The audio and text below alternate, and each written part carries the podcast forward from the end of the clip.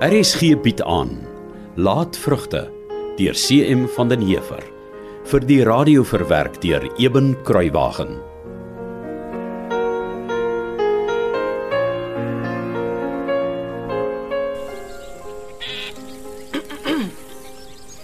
Sybrand. Jy weet hoekom ons vanmiddag hier is. Ek wil sommer reguit met jou praat. Gert was nou twee keer hier by jou. Maar jy wou hom nie help nie. En soos dit nou is, het jy die hele boskloof soos jy dit nog altyd wou gehad het. My stuk wat ek van oorlepa geërf het, kry jy nou ook by. Ons het alles verloor. Die moeilike tye het ons gemoor. Nou kom vra ek as suster reguit vir jou. Gee ons 'n kans, Sybrand. Ons het moeilike jare agter die rug. Die kinders is nog klein en en as ons op die dorp moet gaan bly, sal ons grond toe gaan, jy weet dit. Gee vir ons 'n kans. Gee vir ons dieselfde voorwaardes wat jy vir Buks gegee het. Ons vra niks meer nie. Jy jy vat nou my stuk grond, maar ag, wys tog asseblief dat jy ons nie wil verstoot nie. Ons hele toekoms hang net van jou af asseblief, Sybrand. Nee, Maria. Ek het baie goed oor die saak nagedink en ek sê sommer reguit vir jou. Ek wil geen familie van my as bywoners op my grond hê nie. Sybrand. Ek is tog jou suster. Ek het jou mos gesê, Maria. My eie dogter het my gevra of hulle nie hier oorkant in oorlede ma se huis kan kom bly nie. Ek het botweg geweier. En Maria, ek sê nou vir jou dieselfde. Hoekom moet jy tog so ongenaakbaar wees, Sybrand? Want dis nie hoe goeie besigheid werk nie. Dit word 'n nare gedoente. Almal lê nader aan op een bottel en doodgaan. En daarvoor sê ek nee, glad nie. Moet jy dink ek weet nie wat jy diep in jou donker hart dink nie, Sybrand. Maar ek sê vandag hier vir jou wat Gert vir my gesê het elke keer as hy jou genader het om met 'n helpende hand uit te reik na ons. Is waar. Hm. Jy is so vasgevang in jou greplus en jou gierigheid dat jy ons en ons kinders harteloos en koelbloedig na ons ondergang stuur. Jy voel nie eers sleg of skaam nie. Sy brand wat dit tog saak maak as Maria. Bly stil, Betta. Hou jou neus uit dinge wat jou nie aangaan nie. Ek bly liewers in 'n grondvloer huis op die dorp en staan elke dag gebukkend oor 'n ander se wasgoed en swoeg van vroeg tot laat vir 'n paar pennies voor ek my ooit weer so verneder voor 'n skepsel wat nie eers 'n mens genoem kan word nie. Hm. Ek is nie bang om hand uit die mou te steek nie. Ek weet, Maria. En ek skud die las van stoffelike dinge, van skuld en verpligtinge van my af. Dit was die laaste keer wat ek enige guns van jou of enige hartvogtige verskoning vir 'n mens afsmeek. Ek is nie bang vir die toekoms nie. Dis goed so. Nou kom Gert, kom ons loop. Ja, ja vrou, kom ons loop. Maar net voor ek loop, wil ek nog dit vir jou sê, Sybrand. Jou dag sal nog kom. Jy het nie meer 'n hart nie. En hierdie einste boskloof wat jy so verafgod, sal hom nog op jou wrek. Hoor wat ek vir jou sê. Hm, jy moenie dink jy kan maar so aangaan nie. Die dag van afrekening gaan gouer kom as wat jy dink en dan is dit te laat.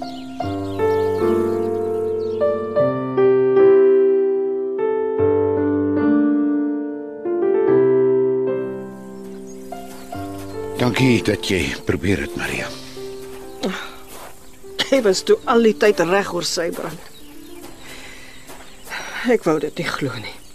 Ek het nie gedink my eie broer kan so so inhalig en so hardvogtig wees nie. Ja, nee. Ek skaam my vir my eie broer. Ek weet nie wat oor hom gekom het nie, maar wêreldsgoed het hom skoon blind gemaak. Ja. Dis ongelukkige ware, my vrou. Hy was tog altyd so nie. Was hy? Nee, ek dink nie so nie. Maar dat hy verander het, dis gewis. Ja. Hy het definitief verander. Maar hoekom tog? Ek meen, hy kan tog nie al die goed met hom saamvat as hy te sterwe kom nie. Nee, maar ek glo nie sy brand dink eers so ver nie. Dit gaan als vir hom net om die hier en nou. Wie jy wat nog hert. Mhm. Wat? Hy sal kan sterwe nie.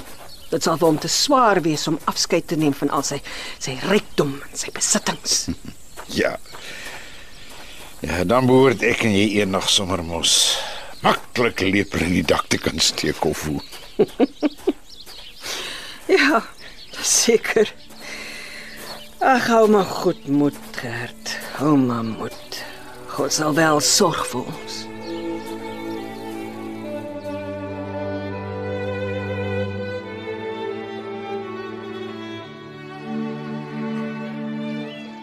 Mita! Mita! Wat sit ja? Kom hier. Ek sit net gou iets in die oond. Ja, jy sit ook al ewig goed in die oond. Hoe lank gaan jy nog wees? Genade, ja, wat krap nou ver oggend weer aan jou? Jy is sommer van vroeg af al omgeklits. Ek weet ook nie waarvoor ons kamma polisie het nie. Hoe so? Sal jy my glo wat het daai polismandjie wat nou net hier was vir my gesê? Hm? Ek ek kan nie daaroor kom nie. Wat sê hy? Ek weet dis dis verregaande. Dis dis belaglik. Dis genoeg om elke haar in my baard een vir een te sit en uittrek so die vrieste inmaak het vir my. Het jy soveel tyd? Dis nie tyd vir grappies nie, Mita. Nou, wat het die polisiemannetjie gesê? Hulle kan nie met die saak voortgaan nie. Jy meen die dam storie? Ja, wat anders? Dis tog so duidelik as wat die son bo ons koppe skyn vanmôre dat sy brand van vuur in die ou sleg heidense sondaar die pomp oopgetrek het. Nou, het die polisiemannetjie gesê hoekom hulle nie met die saak kan voortgaan nie. Daar's nie genoeg bewyse nie. Samai sê ek jou Mita. Samai. Ek wil weet hoe's dit moontlik dat die pomp se prop by die bloute loskom en al die water netjies in die ou heidense kuile inloop, hè? Ah, is dit op sigself nie al genoeg om die vent op te sluit nie? Wel, ek en jy dink so, maar ehm um, duidelik nie die polisie nie. Nou hoekom nie? Moet ek weet? Ek het nog nooit in my lewe sulke lamsakkigheid teëgekom nie. Is uh, is dit al wat die polisiemannetjie te sê gehad het? Daar's nie genoeg bewyse nie. Ja, min of meer.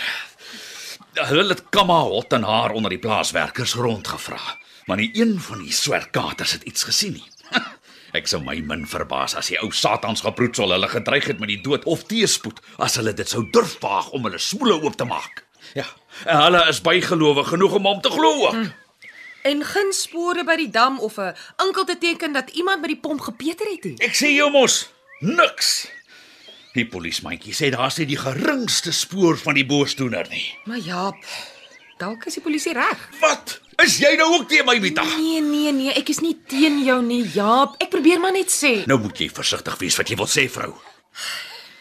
Al weet ek en jy die ou Hayden was die skuldige en al weet selfs die polisie ou Sybrand was die skuldige.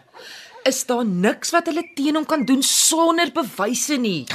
Geen regter sal selfs ou Sybrand skuldig bevind sonder bewyse nie. Wel, ek sweer vandag vir jou, Mita, haar skelm gaan ek nog kry.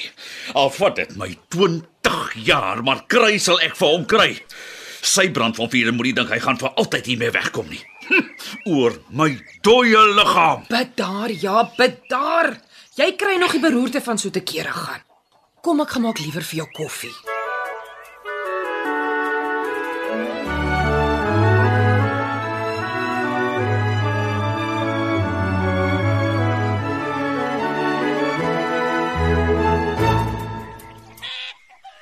Wat gaan aan sy brand? Jy, jy lyk of iets jou opkuil. Daar's geen niks wat my opkuil nie. Uh, Is dit dalk uh, Gert en Maria? Hm. Ag, sy brand wat gaan van hulle word? Jy kan hulle mos nie sommer net Jy kon mos maar Dit gaan jou nie aan nie, Betta. Dis my suster en ek sal haar behandel soos ek wil en daarmee basta. Ja, sy brand. Buitendien, jy weet ek deel vir niemand almoses uit nie. Ek het vir daardie sukkelaar swaar vir my gedoen wat ek kon. Dat hy by die maand verder agteruit boere se eie toe doen. Kyk waar het my hulp om gekry.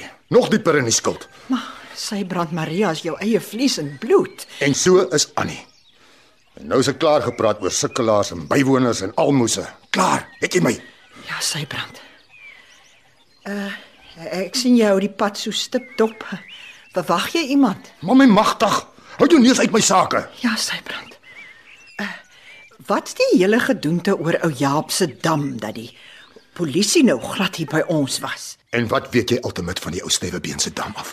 Dit kan nie help om te sien hoe leeg is sy dam en hoe vol is jou twee kuile skielik nie. Tot Henning het vir my gevra of ek iets weet.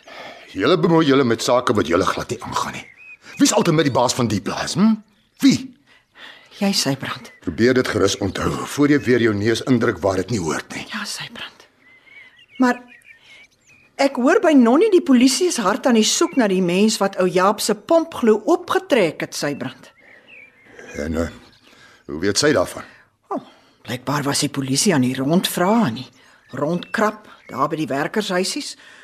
Glo by ou Jaap se werkers en by ons in. En wat sê die ou siel nog? Oh, nie veel nie. Sy sê nie een van die werkers weet iets van die dam se leegloop af nie, maar uh, sy sê tog Wat? Wat sê sy? Nee nee, sy sê net Januarie lyk ongemaklik as hulle oor die dam praat. Onsin, pure onsin. So uh, wat het jy vir die konstabeltjie gesê? Spioneer jy nou op my? Nee nee, natuurlik nie.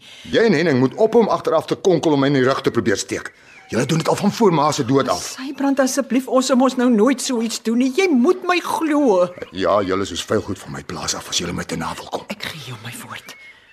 Ons sal jou nooit in die rug steek of jou te na probeer kom nie, glo my. Nou hoekom vra jy my dan wat ek vir die konstabeltjie te sê gehad het? Wat ek het gedog jy sou dalk wou weet wat ek vir hom gesê het. Wat?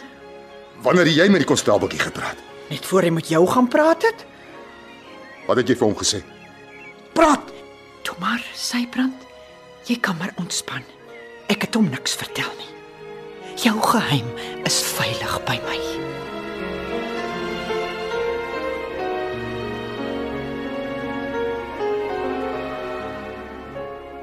Laatvrugte deur CM van den Heever is in 1939 uitgegee deur Nasionale Pers en word vir RSG verwerk deur Eben Kruiwagen.